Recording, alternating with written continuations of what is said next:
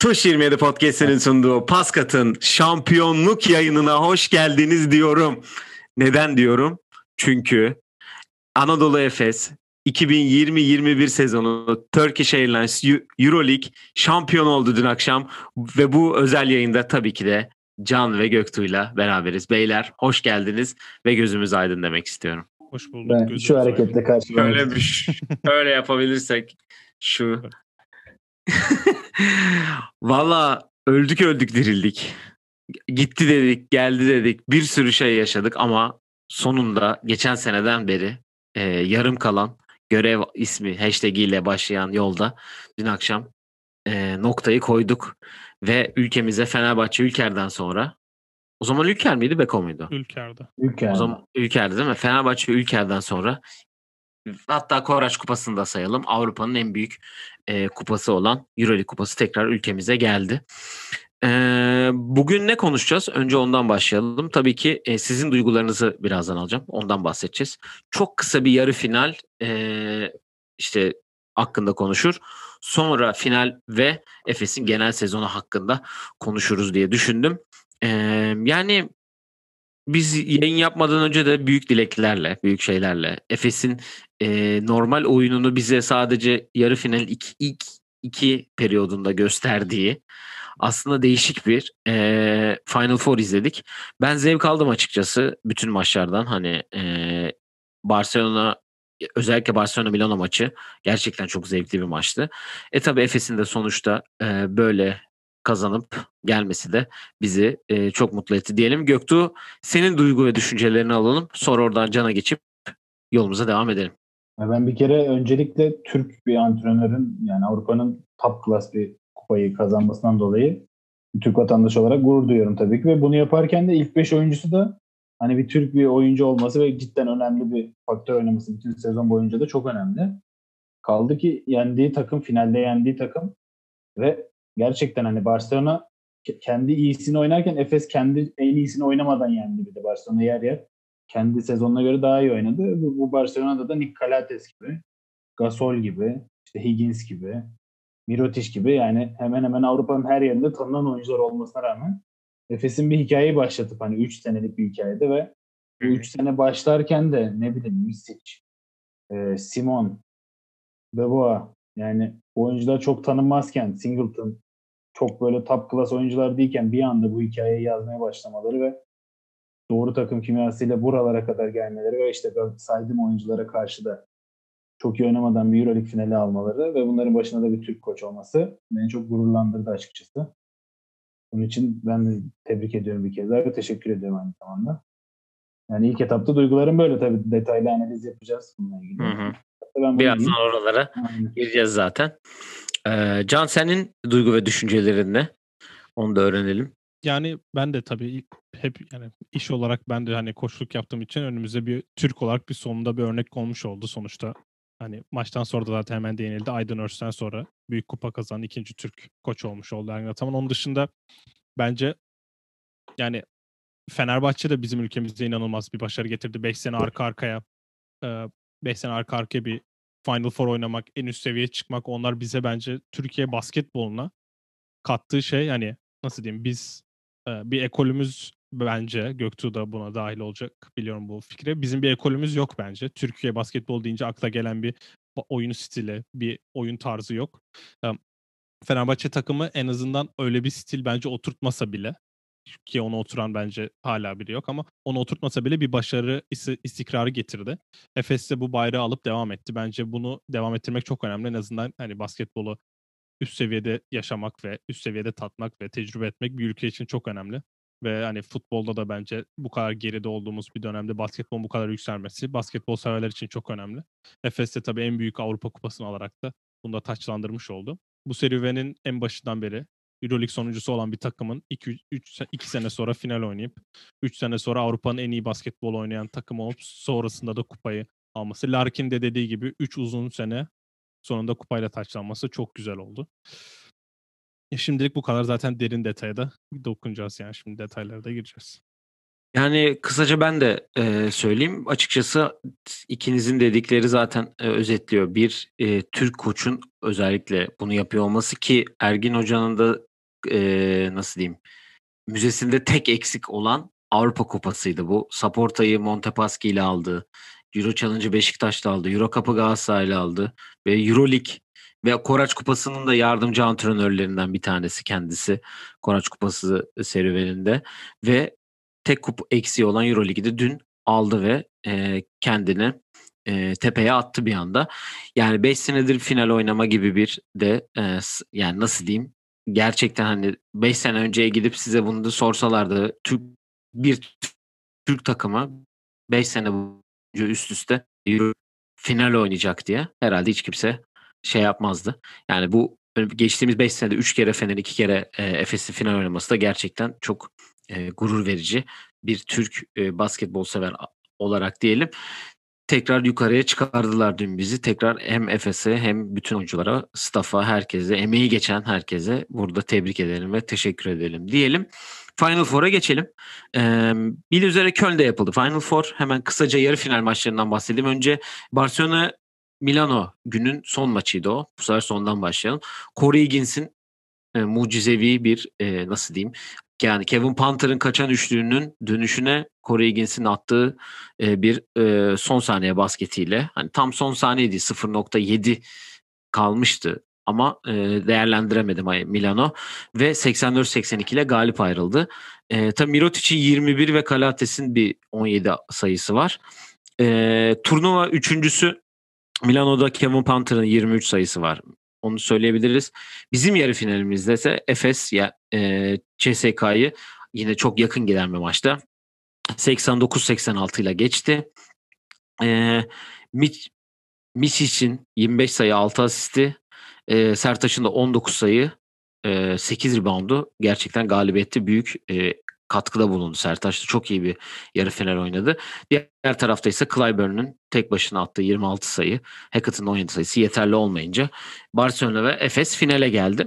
Yani e, sizin gözünüze çarpan herhangi bir şey var mı iki yarı final maçında hani şu şuradan öyle olsaydı hani daha farklı bir final hani çünkü iki final, iki yarı finalde aslında çok çizgide gitti geldi. Ama Efes'in bir 20 sayılık bir üstünlüğü vardı ilk devrede. Orada biraz ağırlığını koydu ama tıpkı Real Madrid serilerinde olduğu gibi biraz e, koruyamadı ve e, fark buralara geldi. Biraz da e, Clyburn'un bire bire dökmesi için. Ama ben Barcelona Milan maçında da inanılmaz bir e, ya zaten ayakta izledim sonlarını. Öyle bir heyecan yaşadık yani. Can bu sefer sen de başla. E şimdi e, ben de Barcelona'ya değineyim yani şöyle bir durum oldu bence orada maç yani zaten bence beklediğimiz gibi gitti iki koç da damga vur diyebilirim maç baya yani çok keyifli Bence EuroLeague yani Final Four'un en güzel maçlarına biri oydu diyebilirim. Ve maçın sonunda doğru şutu bulan iki takım biri soktu biri sokamadı ve diğeri finale çıktı. Yani Panther zaten maçı da tamamen kendisi getirdi oraya. Ve çok da net çok kol yani boş bir üçlük buldu. Kullanılması gereken bir toptu. Onu da kullandı girmedi ama dönüşünde Higgins sorumluluğu aldı ve e, yani nasıl diyeyim o şutu yani okeysin yani yapacak bir şey yok. O şut sen kaçırsa da Yasikevicius okeydi soksa da bence Messi'nin okey oldu. Ona yapacak bir şey yok. O yüzden yani hak eden kazandı denecek bir maç değil. Yani öyle çok üstünlük de sağlanmadı ama işte o bir şutla bitti maç. Bizim için yarı final. Ben yarı finalin finalden daha zor geçtiğine inanıyorum. Yine 20 sayı öne geçip o mental eşiğe yine geldi takım. O mental eşiği ben atlattığını düşünüyorum çünkü yani yine sonlarda basket bulamasak da en azından savunmada biraz e, dağılmadık. Onu söyleyebilirim. Yani evet Clyburn üçlük attı. Ben e, galibiyete gitmesine şaşırmadım. Öncelikle e, Amerikalı olmasından dolayı galibiyete gitmesine şaşırmadım. Clyburn olmasından şaşırmadım. Yani ondan önceki 10 pozisyon 8'e herhalde çembere giderek pozisyon yaratan bir adam. Orada galibiyete giderek e, yani CSK'yı finale taşıyamadı ve Ergin Ataman sanırım maçtan sonra da biz Clyburn'un e, pot, üçlük denememesini istiyorduk dedi ama Singleton'ın savunmasında da çok öyle bir hava yoktu. Onu söyleyebilirim. Singleton biraz fazla alan verdi. Yani 2019'da finalde show yapan Clyburn'un de Efes'e bu sefer e, en azından son saniyede diş geçirememesi de güzel oldu Efes. Fazla zorlanarak finale çıktı ama e, maçlar ters olsa ben sanki Efes'in hani yorgunluk anlamında biraz daha fazla sıkıntı yaşayacağını düşünüyorum. Çünkü yani yoğunluk anlamında Mitch için de hem 5 foul almasından sonra Efes biraz hem tempo yapmadı hem de enerji anlamında bayağı düştü ki Miçic de aynısını söyledi. Ben yorgunluktan dolayı 5. formu aldım demişti. Yani biraz da tabii orada e, abuk sabuk çalınan 2-3 foul var ki hani Damien'den çalınan foul. Zaten hakemlerin hani genelde bir formsuzluğu bu turnuvada da devam etti diyebiliriz final maçında da özellikle karşılıklı iki tarafa da. Göktuğ senin yarı final e, gözlemlerin neler? Hani ha, dikkat edin dikkat ettiğin e, konular hangileri onları da öğrenelim. Sonra devam edelim. Ya bende de yine Efes'in Real Madrid maçlarında devam eden bu 20 sayıya gelince bir şey sendromu, bir duraksama, bir topa basalım sendromu devam ettiğini düşünüyorum. Ama burada bence kritik nokta bu Larkin ile Ergin Ataman arasında yaşanan bir sürtüşme diyeyim. Bence hani o kadar fark varken yani ilkler tamamen bizim elimizdeyken acaba kafaları başka bir yöne mi, modları düşürdü mü diye düşünüyorum. Çünkü öyle bir ortam yoktu yani CSK'nın kanındaki gibi. O belki biraz etkili olmuş gibi düşünebilirim. Onun dışında Clyburn'un inisiyatif alacağı belliyken hani ona karşı ekstra bir önlem, özel önlem alınabilir miydi? O benim aklıma geldi maçta da mesela atıyorum.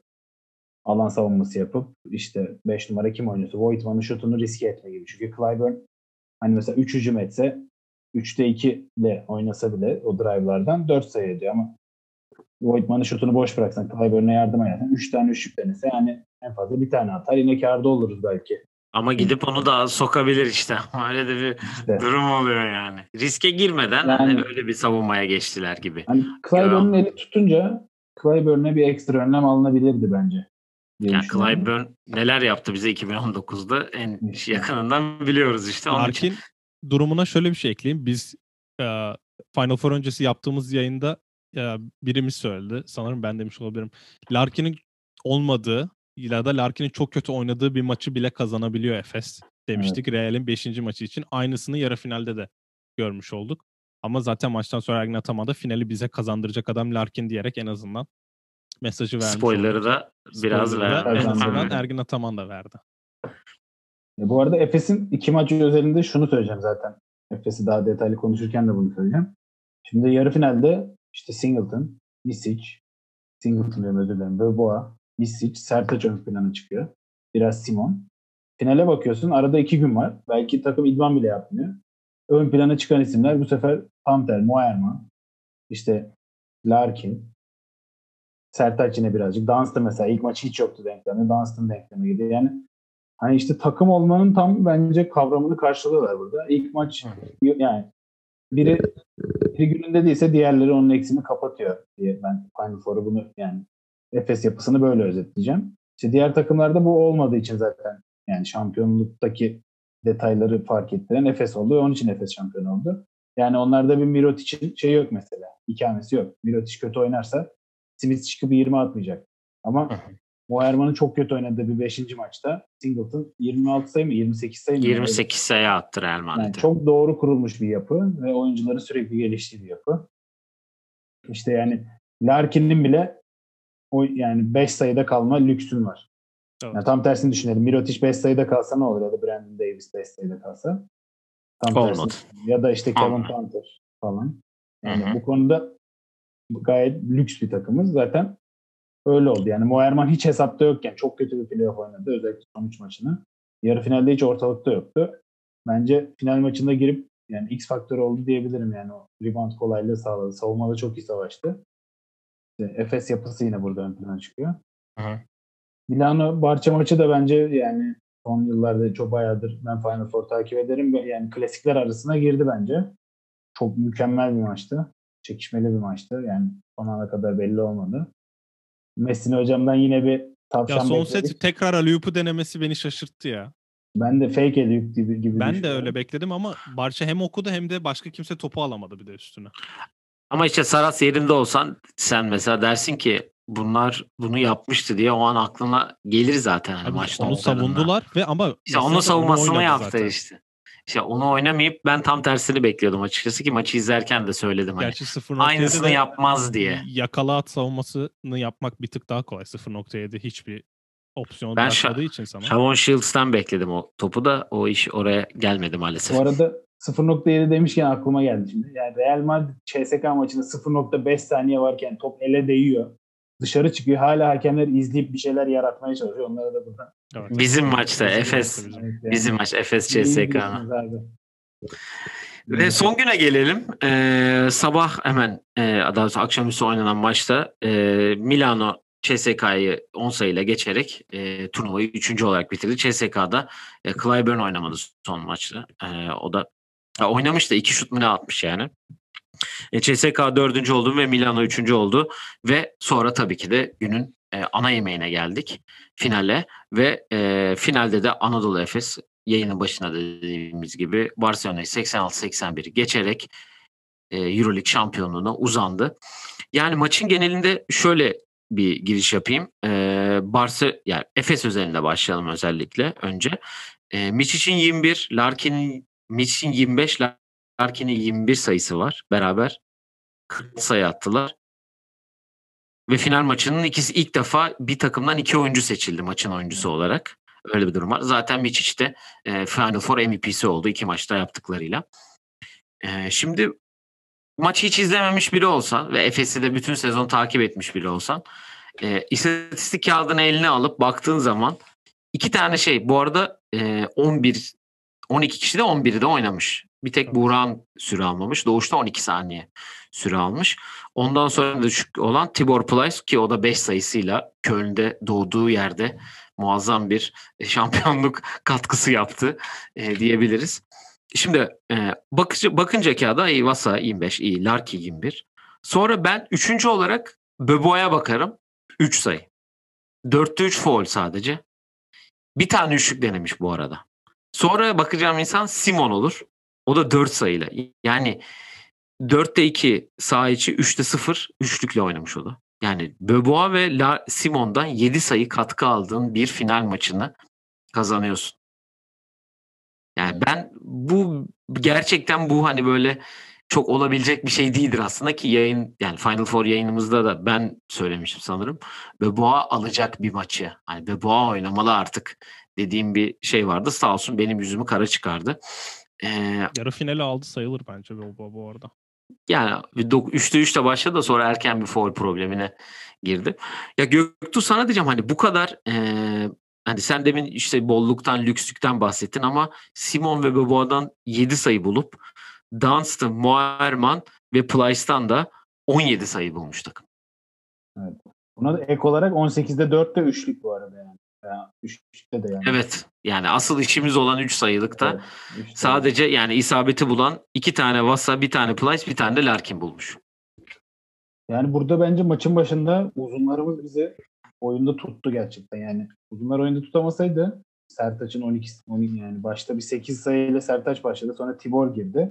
Hani guardlara inanılmaz baskı varken o guardlar yani uzunlarla doğru yerlerde buluşturabildi bir şekilde ve uzunlar bizi maçta tuttu. Ben zaten maçı izlerken de dedim. Yani iyi bir Barcelona vardı. Yani en azından savunma mükemmel savunma yapıyorlardı. Hücumda da bir şekilde sayıya gittikleri de oluyordu, gitmedikleri de oluyordu ama genelde doğruları yapıyorlardı kendileri adına. Yani kazanma taktikleri üzerine bizim kısalarımızı yıldırıp kuralsız bir, kural tanımaz bir baskı yapıp topları elden çıkartmak ve e, sahayı daraltmaktı. Çok iyi uyguladılar. Uzunlarımızın da yüzdesiz bir gün olsaydı bence maça tutunamazdık. Baştan kopardı maç diye düşünüyorum. Orada uzunlar tuttu. Zaten sonra e, Mistiş'le Larkin'in devreye bir yerde gireceği bekleniyordu. Sonra bence hata olarak şunu söyleyebilirim. Barcelona çok eforla girdi maça uzunlar. Ondan sonra o savunma sertliğinin şeyini yakalayamadılar tekrar. E, ondan sonra da o pick and roll savunmalarında 40 dakika boyunca da orta sahaya kadar show yapamayacağına göre e, yumuşadılar. Yumuşadıkça yardımlar aynı randımanda olmamaya başladı ve kısalarımızda şey doğdu. Yani hem mismatch alıp birebir çembere gitme şansı. Çok rahat potaya gittik. O mesafeyi yaratıp hem de şey yapma şansı yani e, şut da kullanma şansı doğdu. Böylece maça döndük. Yani ben şöyle düşünüyorum maç üzerinde. Barcelona eğer ilk yarıyı tutup yani ilk yarı kafa kafaya geçip o ilk periyotta başladığı gibi savunma sertten üçüncü periyot başlasaydı bence onlar için daha şok yani Efes daha büyük şoka girerdi ve bence Barcelona daha kazanmaya yakın olabilirdi diye düşünüyorum. Yani Can sana şöyle geleyim. Başka bir yoldan geleceğim. Hani seninle maçın hani başında ilk zaten öyle bir ilk beşe başladılar ki hani Brandon Davis, Corey Higgins, Klaver ilk beş başladı. Mirotic ve Kalates hani Klaver'i kimse beklemiyordu açıkçası. Hani e, Kyle Kuric'i daha fazla hani kullanan kullanıyor Saras genelde. Ee, biz seninle maçın başında konuştuğumuzda dedik ki e, bugün kısalardan bir şey göremeyeceğiz. Belli bugün atamayacağız dedik. Çünkü Göktuğ'un da dediği gibi çok yüksek savunma yapmaya başladılar ve hani Klaver ve Abrine sürekli e, Larkin'de e, oyunda oldukları zaman hani sadece savunma yapma özelliğinde kullanıp hani ya Larkin'de bir işte hani çok fazla böyle şey oldular ve hani Sertaç'tan 8 sayı geldi. E, Moerman sonra girip katkısını yaptı ama başta 5 e, sayıda e, Plyce'den geldi. Yani burada e, nasıl bir e, bu hani klaver tercihi sence ne kadar doğru oldu Saras için? Hani hem Sara hem yani bakıyorum klaverle e, Abrines'e toplam 24 dakika oynamışlar. Verdikleri katkı 2 sayı, 4 sayı. Ya şimdi bence Saras'ı eleştirecek birkaç yer var. Bence maç planı olarak eleştirilebilir. Bu güzelliği sana bırakıyorum. Evet, evet. Onun için hani ondan sana buradan geldim. Maç planı eleştirilebilir gibime geliyor. Çünkü en başta ya biraz bu ben bunu BGL konuşurken de bir kere de galiba bu eleştiride bulunmuştum. Ben guardlara tam sağ baskı yapayım, topları getiremesinler, setlerin dışına bırakayım taktiği olmuyor. Yani EuroLeague bu Avrupa basketbolunun en büyük seviyesinde sen Va- Vasilij Micic ya da Shane Larkin'in 40 dakikada her basketten sonra baskı yapma şansın yok. Öyle kondisyon olan oyuncular yok. Bu oyuncular NBA kalitesindeki oyuncular zaten. Evet ilk periyot getirtmedin, ilk periyot üçlük yemedin okey ama bir 30 dakika daha var ki yani e, maçı 25 ve 25 ve 21 sayıyla bitirmiş iki oyuncu için evet ilk periyot çok iyi baskı yaptım diye övünemezsin de. Yani bir anlamı kalmadı o yaptığın erken baskının. Klaver tercihine gelecek olursak ben Hanga'nın 7 saniye oynamasına inanamıyorum. En başta onu söyleyeyim. Kesinlikle. Ee, Klaver'in özellikle taktiğin buysa yani. Taktiğin, aynen. Taktiğin savunmaysa Hanga'yı da Geçen, olacak ki?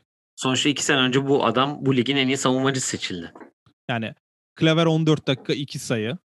Ee, Kalates 17 dakika sayısı yok. Ee, Abrines 10 dakika 2 sayı. Pau Gasol 13 dakika. dakika mı? Kim? Smith. Smith e, 9 dakika 0 sayı, eksi 3. Pau Gasol 13 dakika 1 sayı. Şimdi Saras'ın bence planına de planının e, işlememesinin en büyük nedeni ya da bence onu düşünmediği olay Brandon Davis'in bu kadar fazla domine edeceğini bence düşünmedi. Çünkü kağıt üstünde baktığında tam Sertaç'ı domine etti dersin. E Dunstan var. Dunstan Avrupa'nın en iyi savunmacı pivotu. En iyi ikinci savunma yapan pivotu herhalde Heinz'in arkasında. Ya da bir ara öyleydi. E Davis'in bu kadar iyi oynayacağını düşünmedi. Baskıda hem Davis yoruldu hem for problemine erken girdi. Bence bunu düşünebilse ya da bu böyle böyle bir planla çıksa bu baskıyı azaltıp hani belki yarı sahada kitlemeye çalışabilirdi. Öyle de olmayınca Davis'ten erken vazgeçmek zorunda kalınca Pau Gasol'u 42 yaşındaki Pau Gasol'u sezon ortasında ben EuroLeague finalinde 13 dakika oynatacağım diye almadım bence. Ee, bir enerji bu da gitti Sertaç'a bir blok yaptı bu arada çok gereksiz Maçın bir hareketiydi bu arada. O da, yani belki Gasol'u oynatırsın evet ama bence Gasol'un hakkı ya da yani hakkı değil de fiziksel kapasitesi 6 dakika falandı.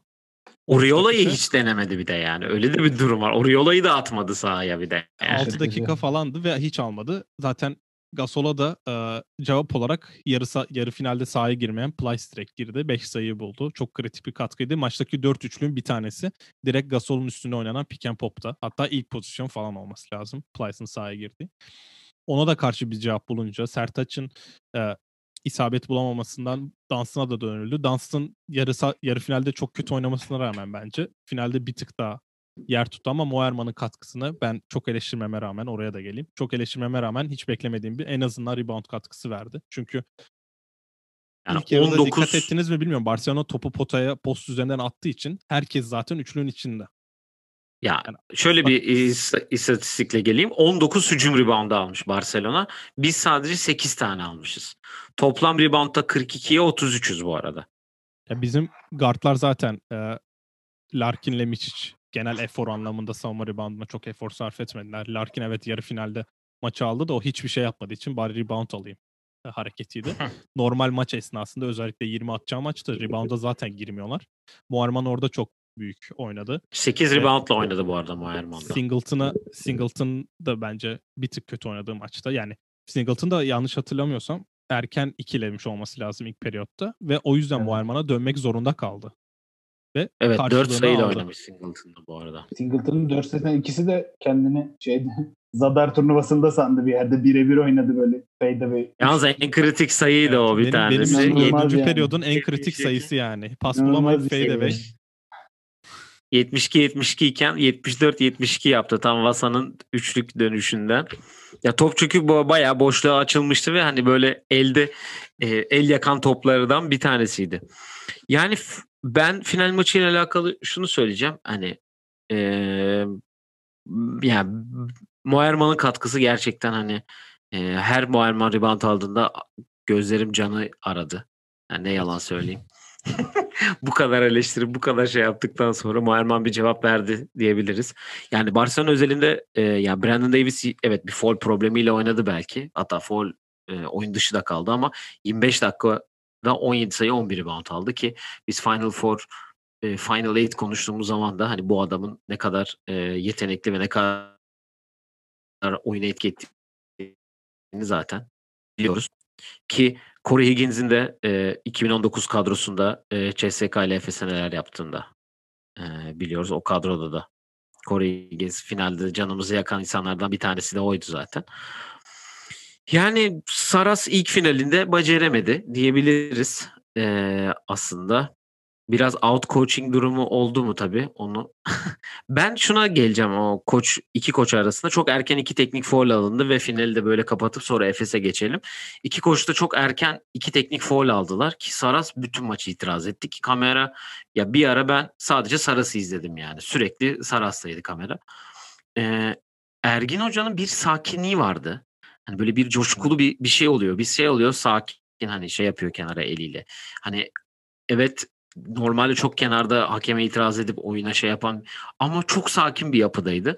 Belki de bu sakinlik biraz olsun ona eee, rahat ve doğru kararlar vermesinde işte Anderson gibi, Plyce gibi, Moerman'a bu kadar süre vermesi gibi bu aldığı başka da doğru kararlarda etkisi olmuş mudur diye ikinize de soruyorum. Hanginiz başlamak isterse Ben şu maç içi hareketlerini bir kere bütün sene görmediğimiz, özellikle playoff'ta görmediğimiz, yarı finalde de görmediğimiz bir ya da iki olması lazım. Ben birde kesin eminim de bunu da zaten konuşmuştuk. Bir pozisyonla matchup zona dönmesi ve orada pozisyonu sayı buldurtmaması ki İsmail Şenol da zaten hemen söyledi matchup zona döndük diye. Ee, mesela o maç içinde yani minör bir hareketti. En azından onu söyleyebiliriz. Ee, onun dışında maç planında mesela Gasol girer girmez onu pick and pop'a yönlendirmek bence maçın önünde verilmiş bir karar. Ee, onun dışında Barcelona'nın baskısını görüp hücum planını değiştirmek. Hadi Boboa getirsine döndü sonuçta bir yerde. O da Efes'te sonuçta handoff'larla bir türlü bir yerden çıkarıyorsun. Bence Yaskevicius'un en büyük eksi, en büyük eksi yazan olay e, bir süre sonra bilmiyorum siz de fark ettiniz mi? Efes Klasik 3. periyodunu oynarken işte Mitch Larkin zaten bulduğumuz 4 üçlünün ikisini o periyotta bulduk. Birini Larkin pull-up, diğeri de Vasa'nın 4 sayılık basketi. E, orada e, J.C. Carroll gibi koşturtmaya başladı. Bence orada biraz hani benim artık bir çözümüm yok. Hadi Kuric'e o floppy deniyor o sete. Durmadan onu oynayalıma döndü. Hatta Vasa bir yerde kaçırdı. İsmail Şenol niye? Biz Barbaros'ta da konuştuk. Niye koridor yaptı da Risk arka aldı. şortundan takip etmiyordu. Yani Kuric'i de etmeyeceksen kimi edeceksin diye. E, 7 eleştiri tane oldu. şut 7'de 2 atmış bu arada o da Evet, üçlükte. 7'de 2 Ki attı. Gerçi onlar da Barcelona'da yüzdesizdi. 30'da 8 30'da 8 atmışlar. Yani o yüzden min- coaching olarak baktığında bence Ergin Ataman daha ağır bastı diyebilirim en azından bu maç esnasında. Çünkü e, takımı bırakıp oynatmak ve şu işi bence Avrupa'da en iyi yapan koçlardan biri Ergin Ataman. İyi oynayan oyuncuyu dakikası gelse bile sahada tutuyor. Belli bir rotasyon dönmüyor. Moerman'da da onu gördük. Boboa kötüyken Boboa'ya da dönmedi. Simon'u da mesela zorlamadı. Simon şimdi tekrardan bakayım. 28, 28 dakika oynadı ama top yönlendirmede mesela Simon çok karar vermedi ki en çok karar veren Çok topa dokunmadı yani hatta yani ben bir ara unuttum Simon'un sahada olduğunu ki Beboa'da 10 dakika oynamış. Moerman da 20 dakika oynamış bu arada. Hani. Evet. Göktuğ e, sen ne düşünüyorsun bu e, koç iki koç ar- arasındaki e, Ben- durumu? Ben Ergin Hoca'nın diğer koçlardan ayıran yön olarak şunu söylüyorum yani e, arayışa girmeyi sevmeyen bir yapısı var. Yani e, bir arayış, ar- bir icat çıkarmıyor mesela atıyorum. nasıl Ülkemizde söyleyeyim? genelde çok fazla eşine rastlanmayan bir durum Yani- ama hani özellikle futbolda çok görüyoruz böyle icat durumlarını. Evet. Mesela şey yok. Rebound alamıyorum. Şey deneyeyim mi işte. Dunstan Sertaç 4-5 deneyeyim mi? Yok. Benim 4 numaralarım Singleton'la Moerman. Hangisi daha iyiyse onunla, onu daha çok yani 40 dakikanın 29-30'unu ona vereceğim. O gün hangisi iyiyse. Ya da ne bileyim işte Beboa 3 numara değil yani. Mistişlerkin Beboa çok olmayacak bir şey. Yani 3 numaralarım benim işte Simon bazen Anderson. İşte yani öyle kaydırmaca durumlarını çok yapmıyor ve hani o güne kadar yapılmamış bir tamam bir, bir top olarak yaptı ama o güne kadar yapmadıkları bir şey denemiyor. Ama öbür tarafa bakınca mesela işte Davis, Smith gibi ben çok rastlamadım bu sene öyle bir ikiliye. Davis, Smith gibi enteresan bir yapı. Tamam anlık tuttu ama sonuçta ilk periyotta Euroleague finalin bitmeyeceğini herkes biliyor. Yani bu tip hani arayışlar için final maçı doğru maç mıdır emin değilim. Pek Bolmaro'yu sağ tek playmaker bırakmak falan o yaştaki çocuğa bir anda finalde rakip rakiplerin en iyi iki oyuncusu guardken Bolmaro'yu tek başına sahada bırakmak. Yani arada, Higgins'le Davis'in inanılmaz performansı olmasa zaten bence 70 sayıya gelemezdi Barcelona. Bu arada coaching yapmadı iddia edilen Ergin Ataman'ın da Bolmaro'nun elinde kaç top patlattığını yani Bolmaro sahadayken yani diğerler, diğer oyunculara dinayları arttırıp işte o yardımları da getirip Bolmaro'nun elinde kaç top patladığını tekrar açıp hizmet izlemelerini istiyorum insanların yani. Ya Kalates'in sıfır, sıfır sayı bir asisti var.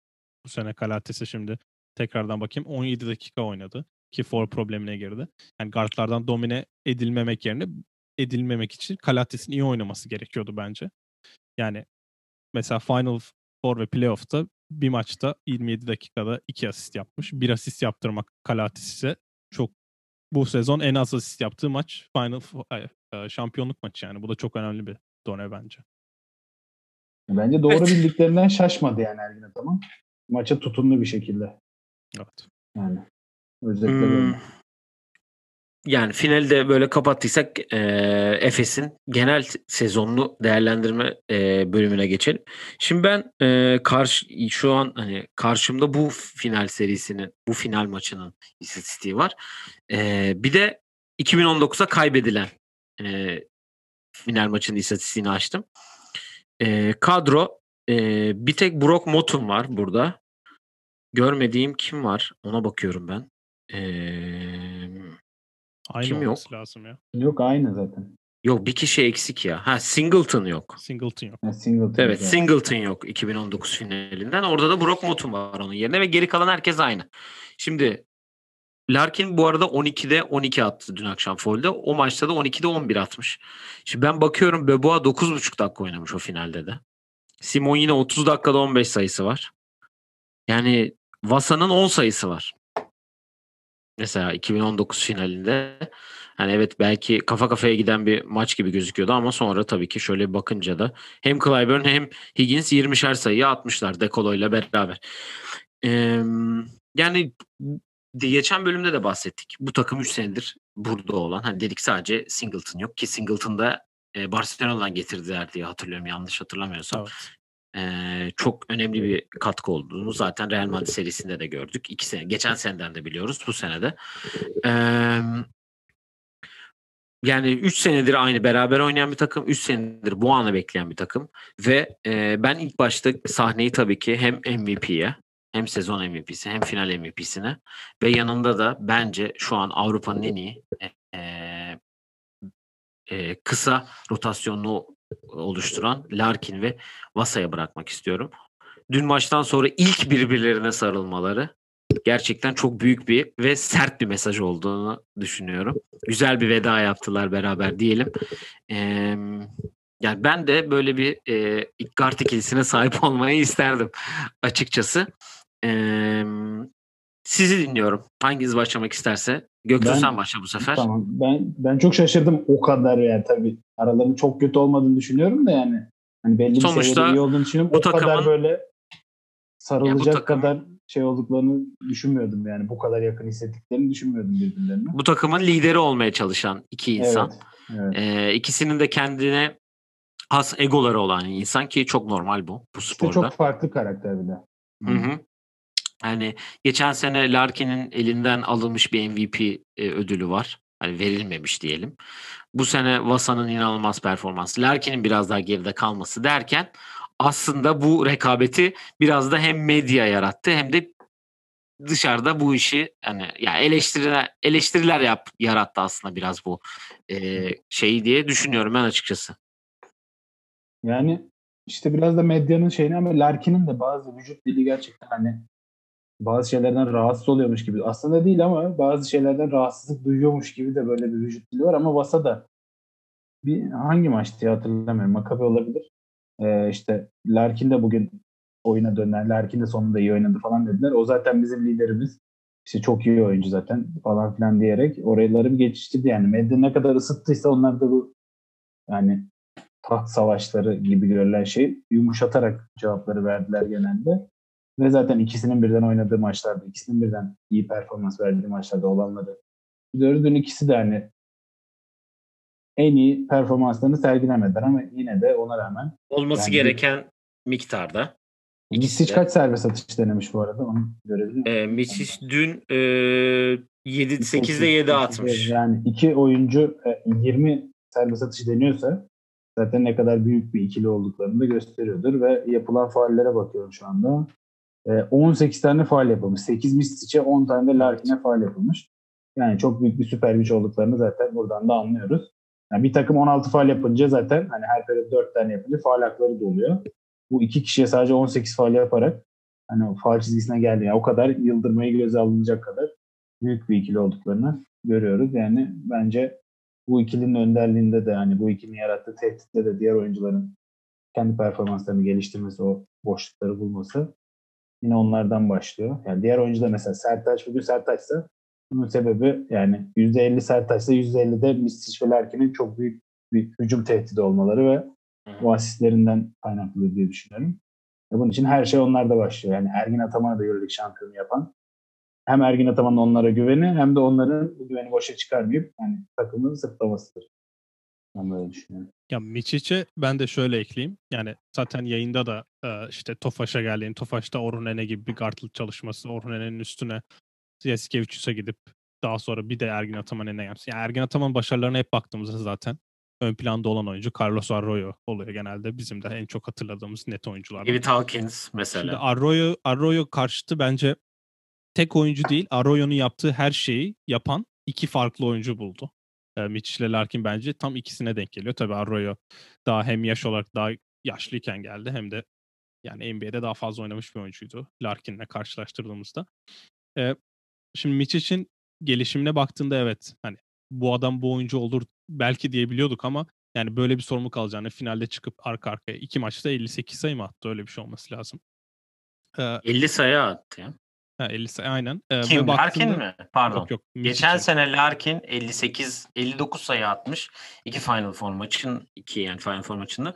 Bu sene de Misic e, 25 25 50 sayı attı evet. Yani Misic çıktı hani maç direkt bu takımın lideri benim dedi. Benim anlamadığım olay hani biz iki o iki oyuncunun birbirini eleştirdiğini ya da saha içinde belki hani tamam hadi sen at pası tarzı birkaç görüntü vardı ama hani kötü konuştuğunu falan bilmiyorduk. Medya biraz bayağı karıştırdı gibime geliyor oraları. Hatta dün maçta bile bence çok çirkin yorumlar oldu bu konuda. Onu söyleyebilirim. Hani acaba Larkin pas verecek mi falan ya da acaba Mitch falan. Yani veriyorlar adamlar takım arkadaşları bunlar.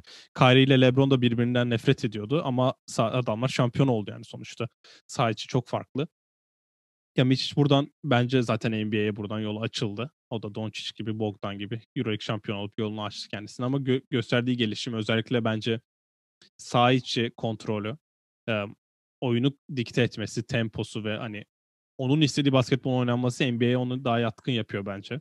Maçı bitirmek için kafasının arkasından pas attığı da ne kadar psikopat olduğunda göstergesi onu da evet belirtmiş ya. olayım. Yani maç topunda Bu arada adam boştu pas geçmedi. Singleton'dı galiba potanın altındaki. Singleton boştu mı? ve pas geçmedi. Yani top kayboldu ama onun denemesi bile bir gösterge ne kadar manyak oldun. Buradan da biraz Larkin'e de geçecek olursam bence her Amerikalı'da olduğu gibi biraz hani ben yapmalıyım. Buranın en iyisi benim. MVP ben olmalıyım. Havası vardı. Geçen sene fiziksel olarak da buna yatkındı. Ve zaten nasıl bir oyuncu olduğunu gördük. Bence bu sene her yaşadığıyla fiziksel olarak tekrar o noktaya gelemeyeceğini gördük. Ve Türk olmasıyla birlikte bence üstündeki sorumluluktan çok baskı arttı gibime geliyor bana biraz. Ee, mesela Wilbeck'ini biz Türk olduktan sonra göremedik hiçbir takımda. Maccabi'ye gitti ve Avrupa pasaportunu da öyle kullanmış oldu. Ee, Larkin'de biraz o baskı arttı bence ve belki yani çok iyileşmeden döndü ki şimdi tekrar ben önüme bakıyorum. Euroleague'de bu sene 41 maç oynamış Efes. Bunların 40'ında Miçic oynamış. Bir tane Kızıl Yıldız maçı da yok. Larkin 35'inde oynayabilmiş. Bence 5'inde falan tam sağlıklı değildi gibime geliyor. Ama ona rağmen bu mental olarak bir o bariyeri son maçta atlaması çok önemli oldu bizim için. Yani şampiyon yapan en büyük etkendi diyebiliriz. O yüzden Ergin Ataman en azından bu guard şeyine tekrardan devam ettirmiş oldu. Bu ikisi de ayrılacaksa nasıl bir hamle yapılır cidden bilmiyorum. Ee, hocanın Malcolm Delaney'i ne kadar çok sevdiğini biliyoruz. Delaney boşa çıkarsa belki öyle bir hamle gelebilir ama Delaney Larkin e, yapmaz gibime geliyor. Biraz Avrupalı garda yatkın tekrar hani dönebilir gibime geliyor. Hani Mitch için izleyen bir oyuncu mesela Pangos'u gören bir baştan oyuncu hatırlıyor musunuz mesela Miçic'i? ben çok Ha, az hatırlıyorum. Ben de çok az hatırlıyorum. Ama Kızıl Zalgiris'te duymuştuk Tofaş. mesela. Hani Zalgiris'te işte Saras'la birlikte hani Saras yine yaratıyor diye. Ee, şöyle bir durum var. Ben hani Pascual'in Pangos'a yaptığı katkıyı gören biri bak ben point guard olacaksam hani Pangos ayrıldı diyelim. Beni bu kadar yükseltebilir diyebilir bir oyuncu. Aynısı şimdi Misic ayrılacaksa Ergin Ataman için de denebilir. O yüzden böyle bir kozu olması elinde çok önemli. Ee, o yüzden ikisi de ayrılacaksa çok güzel bir hani aynı seviye oyuncu gelmesi bence çok zor. Ama en azından bu seviyelere çıkabilecek bir iki potansiyel düşünülebilir gibime geliyor. Bu arada birkaç da trivia birkaç değil bir tane trivia sorusuyla geleyim. Efes 41 maçta oynamış dedim Euroleague'de. Hı hı. 1 2 3 oyuncu bütün maçlarda oynamış. Tahminlere öyle. Simon. Yok 35 Evet. maç. Sertaç. Sertaç 34 maç. Doğuş. Doğuş 29 maç. Oha. Ha Doğuş süre anlamında. Yani Süre alma. 41 maçın 41'inde de sahaya girmiş bu oyuncular. Beboa. Son hakkınız. Beboa yok mu? Beboa da mı yok? 38 maç. Kim baba bunlar? Dur bakalım. Bekliyorlar. Dunstan da değildir. Gözüne şey oldu. Tam zaten herkesi Anderson. saydınız. Anderson bu sene. Ee, Kesin Anderson, Moerman ve Singleton 41 maçın 41'inde de oynamış. Evet abi Singleton ya. E, bu güzel sorunlardan ben de ikili hakkında görüşlerimi e, söyleyeyim bari deyip. E, yani Vasa ile başlayacağım. Bu senin birbirlerine karşı hani hiçbir e, şeyleri olmadığını kanıtlayan e, sezon içinde çok büyük yerler var ki bunu ben sen de söyleyince Final Four'da çok da gö- gördük zaten. Larkin iyiyse, Vasa onu biliyorsa o topu ona veriyor. Aynısı Larkin kısmında da oluyor arada. Bu arada Ben- Miçic bunu dün yaptı. Son periyotta Evet. turnike Evet. attıktan sonra hemen sonraki topu bir daha verdiler Larkin'e. Mesela bakıyor bir önceki pozisyon Larkin 3'ü soktuysa ya da sayı attıysa o topu Vasa getirmiyor. Larkin Evet. getiriyor. Ya da Vasa getirse bile bu topu bir türlü Larkin'in üzerinden oynuyor. Yani bu Evet. anlamda birbirlerini tamamlamaları inanılmaz bir e, seviyeydi zaten. İkisi de kazanmak istiyor. Geçen sene Larkin'in MVP sezonuydu. Bir sürü maç aldı. Bir sürü iş yaptı ki 2019 Euroleague'de de çok iyi işler yaptı. Hem yarı finalde hem finalde. Finalde nefesi yetmedi Efes'in. Sonuçta e, ya şöyle hep deniyordu. Larkin iki sene takımı taşıdı. Bu sene Larkin'i takım taşıyor gibi bir şey oldu. Covid oldu, hastalık, işte sakatlık, Türk olmasının ayrı bir şeyi ama benim basketbol mantalitemde Larkin'in böyle maçlarda kesinlikle sahada olması lazım. Ne kadar kötü oynuyorsa sana maçı kaybettirmez yani. Yani ediyordu az kalsın. Yani yani ne, hangi maçı Yarı kaybettiriyordu? finalde elden verdi en kritik yerde. Yani e, oyuna girdi maç yani oyuna girdikten sonra e, yani final final tarzı maçlarında Evet, bahsediyorum. Hani evet. nasıl nasıl for e, futboldan bir örnek vereyim. Hani nasıl abi o adam sahada olsun ki ona özel önlem alsınlar ki diğerleri biraz hani boşa Ha, ne kadar Şey yapsın. kötüyse mesela Messi ya da Ronaldo'yu çıkarmazsın oyundan gibi. Aynen öyle. Yani o örneğe geliyor. Hani nasıl Neymar'ı çıkarmasın, Mbappe'yi çıkarmasın kötü olsa bile. Burak Yılmaz'ı türlü- çıkarmasın mesela. Mesela anladın? Hani Lille'de buradan tekrar tebrik ederim. yani Larkin de ben o sahada tutarım her zaman. Her türlü de zaten dün de güzel bir cevap verdiğini düşünüyorum ben bütün eleştirilere. Bir de Larkin'in sen dedin ya Türk olduktan sonra büyük bir baskı oldu. Türk medyasının bayıldığı işler. Bu adam Türk oldu. Bak nasıl kötü oynuyor. Türk olmadan önce nasıl güzel oy- şey oynuyordu. Paranın Bilmiyorum. üstüne yattı. Tabii Evet. parayı aldı, kayboldu. Bak işte şey oldu, ben oldu bilmem ne. bir sürü eleştiri zaten Larkin. En çok kolay eleştirilen biri. Biri mesela şampiyon olmasa olunmasaydı Allah korusun Mesela Vasa'nın o attığı kafasının arkasından pası konuşur muydu Türk medyası onu düşünüyorum mesela. E, yarı finalde biz kaybetsek Clyburn üçlüğü girse Larkin vatandaşlıktan falan çıkarmak isterdi. Tabii başka birini şey yapabilirdik. Yani biraz ben ona da hani Türk medyasında bu işte çok e, şey olduğunu düşünüyorum açıkçası diyelim. Kutuplaştırıcı. Aynen öyle kutuplaştırıcı ama hem e, maç sonrası röportajı hem maçtan sonraki seviniş her şeyi e, güzel bir şekilde e, ortaya çıkardığını düşünüyorum. Yani şu an oyunculara bakıyorum. Sezon içi çok konuştuğumuz hani Böboğa gibi, Simon gibi, Dansın gibi, e, Moerman can özelinde. Ben Sizin Simon için Simon konuşmak için, istediğiniz birisi evet. var mı diye ben tam gelecektim. Simon için çok özel bir parantez açmak istiyorum. Yani iki tane bu kadar büyük süper yıldız anca bu kadar güzel üçlenebilirdi. Yani bu kadar kendini geri plana atma, gerektiğinde yardım etme. Ve yani atıyorum dünkü maçta bir tane turnike attı hatırlar mısınız bilmiyorum yani. Dipten. Bir periyot sonuydu. Hatta kaçırdı pardon. İlk periyot sonunda turnikeyi kaçırdı. Bir bench'e gelişi var. Benim çok dikkatimi çekti. Hani onu o pozisyonu yarattıkları için alkışlıyor insanları. İşte hadi güçlüyüz diyor. Ben kaçırmış olabilirim diyor. Yani Simon gerçekten alçak gönüllü. Yani mükemmel. Tam bir veteran bence. Ve iki tane büyük yıldızı da çok iyi idare etti. Yani onların birbirine girmemesinde ya da hani onların takımın önüne 35 geç- yaşında birinin de bu sorumluluğu alması tabii. Onların takımın önüne geçmemesinde bence çok büyük bir faktörü var. Ben Simon'u gerçekten hani her eve lazım bir şey olarak görüyorum ve bu Efes'in bu şampiyonluktan hani kendime bir hatıra alacaksam bir forma da almayı düşünüyorum. Ben Simon forması almayı düşünüyorum açıkçası yani.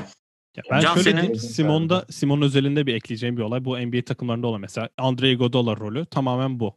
Eskiden ya da şu an hani takımı bir süreliğine, belirli bir süre boyunca taşıyabilecek, herkesin saygı duyduğu, herkesin dinlediği genelde ve herkesin örnek aldığı bir adam olması gerekiyor şampiyon takımlarda. Simon bu rolü çok yapıyordu ve Simon'da şöyle bir şey de var. Şimdi Euroleague seviyesi için çok lüks bir olay.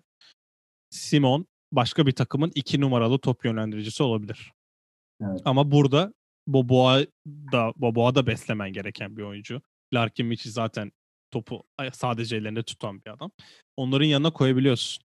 Larkin ya da Miçic kötü oynasın diyebilirsin ki tamam Simon gelsin alsın maçı ki Türkiye ligleri Türkiye Ligi maçlarında genelde Simon bu rolü üstleniyor. Bunu da yapabilen bir oyuncu. Sanırım e, Twitter'da görmüştüm. Bu Efes takımı EuroLeague'de hiç şampiyon olmayan oyunculardan kurulu bir takımdı. Hiç kimsenin evet. daha önce EuroLeague şampiyonluğu yok. Onun açlığı da vardı tabii ki. Simon üzerine onu diyeceğim. Benim e, hani isim olarak şimdi hani Bobo zaten hem NBA hem Euroleague şampiyonu olan sayılı kişilerden biri oldu. Kaçıncısı bilmiyorum da aklıma. Şu an niyeyse kimse de gelmedi bu konuda. Ginobili. Ginobili geldi. Ee, Gasol. Gasol'un da var galiba Euroleague. Var var, var. gitmeden oldu Gasol. Ya da dün de zaten tekrar olacaktı. Yani yani Dansın'a bence bir parantez açabiliriz. Çünkü en uzun süreli oyuncu oydu. Ergin Ataman'ın geldiğinde göndermediği tek oyuncu yanlış bilmiyorsam. Ve hani diğer oyuncular belli bir hani nasıl diyeyim bir Ergin Ataman'ın kurmak istediği kadro için alınan oyuncular ama Dansın hani gelip burada kaldı ve hani savunma anlamında zaten çok farklı ama bence Ergin Ataman'ın çok da sistemine uymayan bir oyuncu olduğunu düşünüyorum. Hani Galatasaray'da başarılı olduğu dönemde ya da e, Beşiktaş'ta başarılı olduğu dönemde Bonsu, Endonk gibi hani daha fiziksel olarak çok fark yaratan iki oyuncu varken Dansın sonuçta kısa kalıyor bence pivotlar. Hani Tavares'in yanında kısa kalıyor ya da dün mes- dün bile kısa kaldı Davis'e karşı. Ama o savunma anlamında çok farklı bir seviye çıkardı ve hani gelişim olarak konuşacaksak da tabii iki sene önce hani biz Sertaç Canlı'nın Euroleague finalinde 12 sayı atacağını beklemiyorduk. Sertaç yani Yarı finalde de 19. 19 yaşında Galatasaray'a gidip sonra hiç kimse onu Trabzon'da sağlıklı olsa oynadı. bile Plyce'ın önüne yazmayacağı bir yani Plyce Sertaç dediğin zaman Sertaç 3. pivot diyordun. Geçen sene bittiğinde Plyce kalır mı acaba? Hani Sertaç'a ikinci pivot olarak güvenir misin diye düşündüğün zaman hani bir soru işareti olurdu kafada ama Sertaç şu an e, finale ilk 5'te başladı Sertaç yani Euroleague finaline de.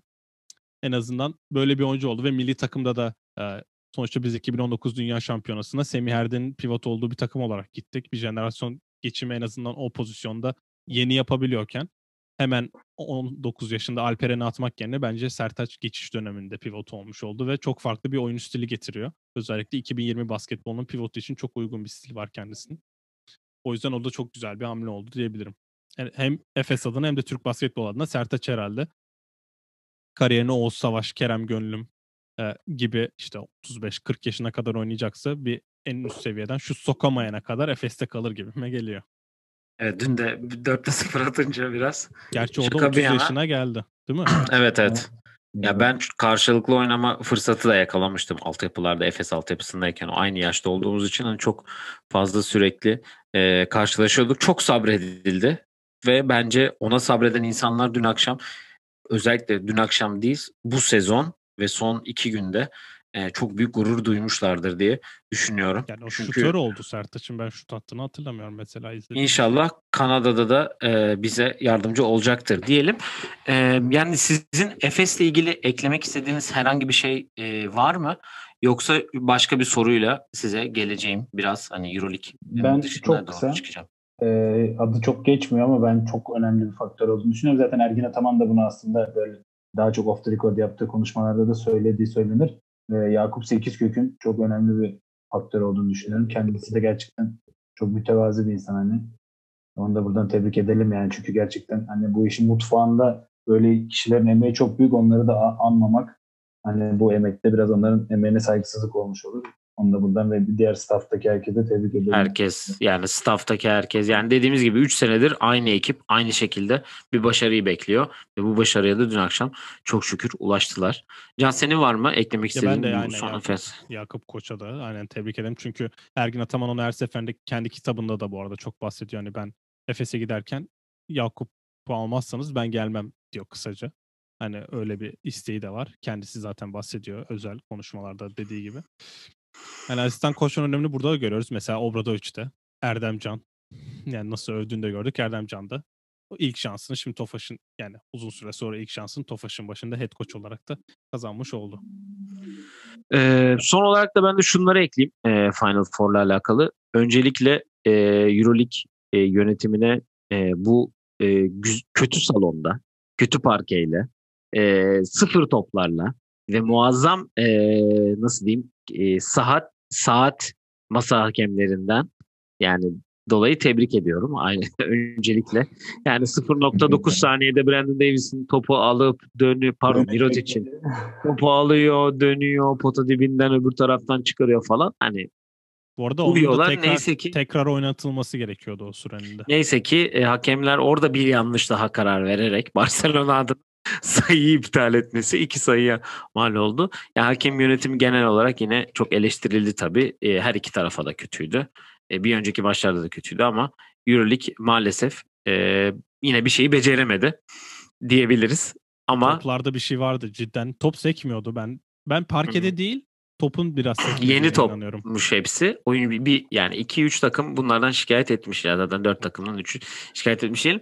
Ee, şimdi önümüzde e, Efes'in oynayacağı da bir Türkiye final serisi var tabii ki. Çok rahat geçtiği e, bir iki tur var. Ee, ve Fenerbahçe Beko ile karşılaşacak. Fenerbahçe Beko'da biraz e, sıkıntılar var. E, Veseli'nin kırığı var. Ay pardon, Dekolo'nun burnunda bir kırık var. Ee, Pierre miydi? Ben o ikisini hep karıştırıyorum. Pierre Pierre evet. Dechampierre'in bir sakatlığı var. E, Veseli'nin bir sakatlığı var. Ve karşısında da biraz rehavet dolu bir e, şampiyon gelecek. E, sizin e, kısaca seriyle alakalı düşündüğünüz şeyleri e, alayım. Sonra da Perşembe Kapatalım. sanırım ilk maç oynandı. evet Perşembe Perşembe oynanacak ilk maç 3 Ya ben- Haziran'da. Efes yani zaten bütün yayın Efes konuştuk da nasıl bir rotasyonla çıkacağına bağlı. Hani kimleri kullanmak istediğine, kimlerin bence biraz e, gönüllü e, sistemine dönülebilir gibime geliyor. Hani tamam ben oynarım ma- gelir gibime geliyor Efes. Sonuçta onlar bu kadar baskı olduktan sonra bir rahatlama olacaktır. Bu rahatlama saha içine her türlü yansıyabilir. Şimdi onun öngörüsünü çok yapamam ama e, Fener'in de sonuçta hani Euroleague şampiyonu yenmek de istersin Fener. E, Karşıyaka'yı eksik olmasına rağmen bir maç da vermesine rağmen e, eledi. E, onların sağlık E, durumu tabii iki haftalık bir bekleyiş olacak yani. Hem o hem de e, sonuçta Kokoşkova için de ilk kez bence. Hani e, CSK serisini de dahil etmiyorum buraya sakatlıklardan dolayı. Kokoşkova için de ilk kez tam hazırken neler yapabileceğini göreceğiz. E, elinde tabii ki istediği rotasyonu kullanamayacak yabancı sınırından dolayı ama en azından hani NBA playofflarına diyoruz ya herkes özel önlem alır. Kokoşkova'dan ilk kez böyle bir şey yapabileceğini göreceğiz. CSK serisinde hem kenarda değildi hem de Veseli yoktu. Şimdi en azından e, istediği kişi. Kenarda olacak. E, bu seride Ama- ben e, Dekolo'nun oynamayacağı bir maç beklemiyorum onu söyleyeyim. Çünkü Karşıyaka maçında iki maçta mı yoktu Dekolo. Bir tanesinde kesin yoktu da. Bir, Bir maçta. Bir tanesinde yoktu. Öyle bir e, durum beklemiyorum. Veseli ne oldu bu arada? Veseli Karşıyaka maçının son Karşıyaka maçında çıkmış oyundan 6. dakikada. Ee, bileği döndü yine aynı bileği. Burkuldu aynı. O yüzden Kesinlikle. nasıl bir beklenti yani bilmiyorum ne olur hani Efes herhalde bu gazla gelir kazanır gibime geliyor ama Fener'i Fener sürpriz yaparsa cidden şaşırmam çünkü bir hazır ha- çok hazırlanmış bir Fener de görebiliriz. O yüzden seri tahmini 2-2 olur diyorum. Gerisine bak bakacağız. Burada- bitiyor değil mi? 3 Evet. maç açıklamışlar onu da bilmiyorum. Şu ana kadar 3 maçın şeyini programını açıklamışlar. Acaba haftalık olduğu için mi yoksa Olabilir. Haftalık açı Haftalık açıklık olur. olabilirler. Çünkü şöyle bir durum olabilir. Çok pardon. Evet. Yayın olarak e, nerede vereceklerse e, TRT'de verecekse eğer e, TRT Spor verecekse şimdi Euro 2021 oynanacak. Yani 20 de Avrupa Şampiyonası. O da vereceği için onlarla bir e, şey Çakışma olabilir. durumu. Çakışma durumu olabilir. Yani maçlar 4'te başlıyor en erken maç futbol turnuvasında da. E yine de ona göre bir ayak ayar çekebilirler diye 3 maç açıklamış olabilirler. Anladım. 3'te bitiyormuş. 3'te mi bitiyormuş? Evet. e, ben şu an Fenerbahçe'nin internet sitesindeyim. Seride 3. maç ve gerekmesi durumunda 4. maç takımımızın ev sahipliğinde yapılacak. Gerekmesi durumunda oynanacak 5. karşılaşma yine Sinan Erdem'de oynanacak. O zaman 3. Allah Allah. Hep dörtte biterdi. dörtte Benim biterdi. tezimde çürümüş oldu. Buraya, Herhalde milli burayı atabiliyor muyuz? Hayır. Bunu kesin. Burayı kesebiliyor muyuz? Şey yapabilir miyiz? Ben şunu söyleyeyim final serisiyle ilgili. Ee, Larkin'in 6. yabancı olarak yani Türk statüsünde oynaması karşıda da Bobby'nin rotasyonda yer almasına rağmen hani çok bir katkı vermemesi burada bir kilit faktör olacak. Çünkü iki takımda 6 tane yani 7-8 tane elit yabancısı var. Bunlardan 5 tanesi kullanılabiliyorlar. Larkin burada 6. yabancı olarak denkleme giriyor ve yani en iyi yabancısı olarak 6.